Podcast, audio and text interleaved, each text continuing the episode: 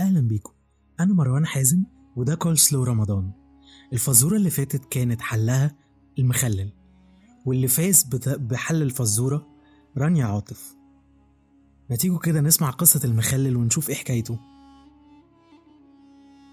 الترشي أو المخلل. طبعا ده طبق من الأطباق المقدسة على أي سفرة مصرية وخصوصا في رمضان. لكن كمان ما نقدرش ننسى واجبه جنب اطباق الفول واطباق الطعمية. فالمخلل حاجة مصنع مصنوعة وبتتصنع طول السنة لكن صيتها وشهرتها بتزيد في رمضان. في منه طبعا المشطشط وفي منه أقل وحاجات إيه لطيفة خالص. صناعة المخلل انتشرت قوي في العصر البطلمي أو هي طلعت في العصر البطلمي وكانت الملكة كليوباترا بتدرج المخلل أو بتحطه دايما في نظامها الغذائي. وكان هناك اعتقاد كبير قوي إن هي ده إن المخلل هو السبب في صحتها وجمالها. وهو اللي خلى حبيبها يوليوس قيصر إن هو يصدر أوامر بإن هو يدي المخلل لقوات الجيش عشان هو كان فاكر أو معتقد إن ده بيلهمهم القوة وبيزيد من عنفوانهم. كلمة ترشي هي كلمة فارسية تعني الثمار المملحة أو الخضار أو الفاكهة المملحين. وهي مست- مستمدة أو طالعة من كلمة طرشة بمعنى الإناء أو الوعاء الذي يوضع به الخضروات أو الفاكهة اللي بيتم تخليلها. أما كلمة مخلل فأصلها عربي وتعني ال- الثمار أو الحاجات الموضوعة في الخل والملح. وبالتركية اسمها تورسو وباليونانية اسمها تورسي.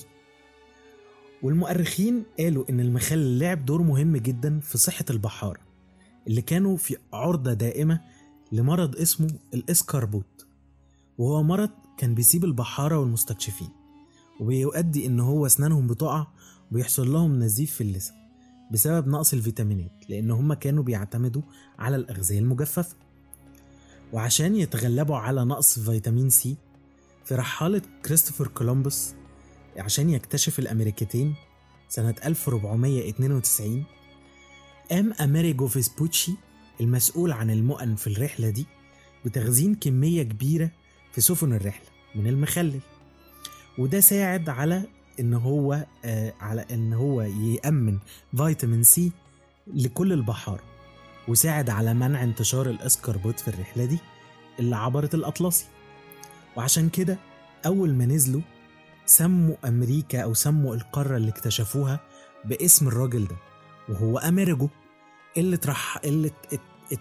يعني اتحورت بعد كده لأمريكو وبعد كده اتحورت لأمريكا.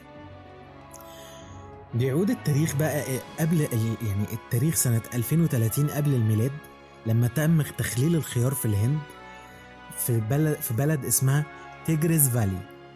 وكانت كلمة مخلل في الألماني بتعني بيكل وهي تعني الملح أو المحلول الملحي وفي الهولندي بوكل وهو المكون الرئيسي في عملية التخليل. وعبر التاريخ كان التخليل أمر ضروري لكن أفضل طريقة للحفاظ على الطعام لفترة طويلة. وباعتبارها واحد من الأطعمة المتنقلة كانت المخللات مصدر إن للعائلات إن هي تحافظ على أكل خلال الشتاء. وصناعة المخلل بتتم عن طريق غمر الفاكهة أو الخضروات في المية المملحة أو محلول سائل حمضي عشان ما تتعرضش للتلف. ولما نفكر في المخلل دايما بيجي في دماغنا الخيار لأن دايما بيتم تخ...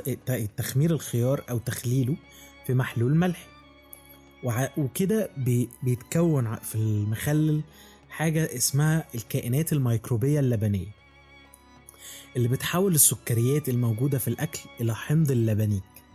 وفي المقابل بتصبح البيئة دي بيئة حمضية بسرعة اللي بيخلي من المستحيل إن تتكاثر فيها أي بكتيريا.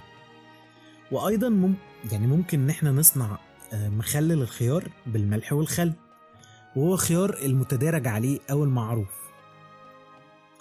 وبيستخدم المحلول الملحي المعروف باسم بيكل جوس أحيانا للرياضيين لعلاج الجفاف. ولكن دي نظرية لم تثبت صحتها لحد دلوقتي.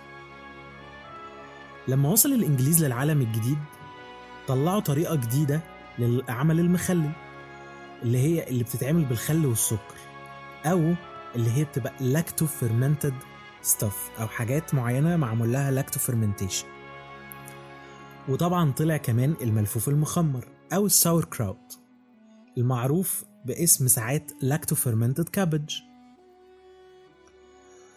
وفي الشرق الأوسط طبعا ظهر الفلفل المخلل والزيتون المخلل والليمون المخلل والطماطم. وطبعا ما نقدرش ننسى المصريين إن هم عملوا الليمون المعصفر. وطبعا اللي كمان دخل في. في الترند دي الكوريين. إن هم عملوا الكيمتشي وعملوا حاجات كتير مخللة منسوبة ليهم ولثقافتهم. وطبعا دخل فيها الإيطاليين ودخل فيها ناس كتير جدا وعادات وحاجات وثقافات تانية بدأت تضيف لصناعة المخلل بحكم الثقافة المتدرج عليها في مدينتهم أو في الع... أو في في المحيط بيهم. تعالوا نشوف كده المخلل فيه إيه مهم أو إيه اللي ممكن يكون لطيف في أكل المخلل صحيا. المخلل بي... بي... بيطلع مادة اسمها مادة البروبايوتيك اللي بتساعد على كسر السليولوز اللي هو صعب هضمه. والبكتيريا بتاعته مفيدة جدا للجهاز الهضمي بشكل عام لأن هي بتعزز بيئة الأمعاء.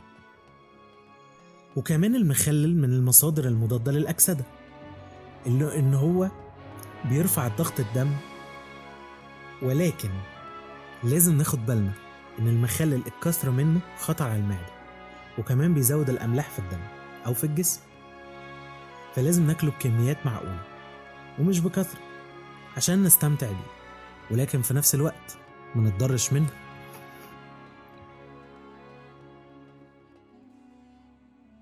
ما تيجوا كده نشوف الفزورة بتاعت حلقة بكرة. عجينة متخمرة ملفوفة ومدورة مقلية ومحمرة عصفورة وصغيرة. يا ترى هي إيه يا ترى؟ ابعتولي إجاباتكم على الإنستجرام مروان حازم 1 وأول واحد هيجاوب على الفزورة دي هقول اسمه الحلقة الجاية.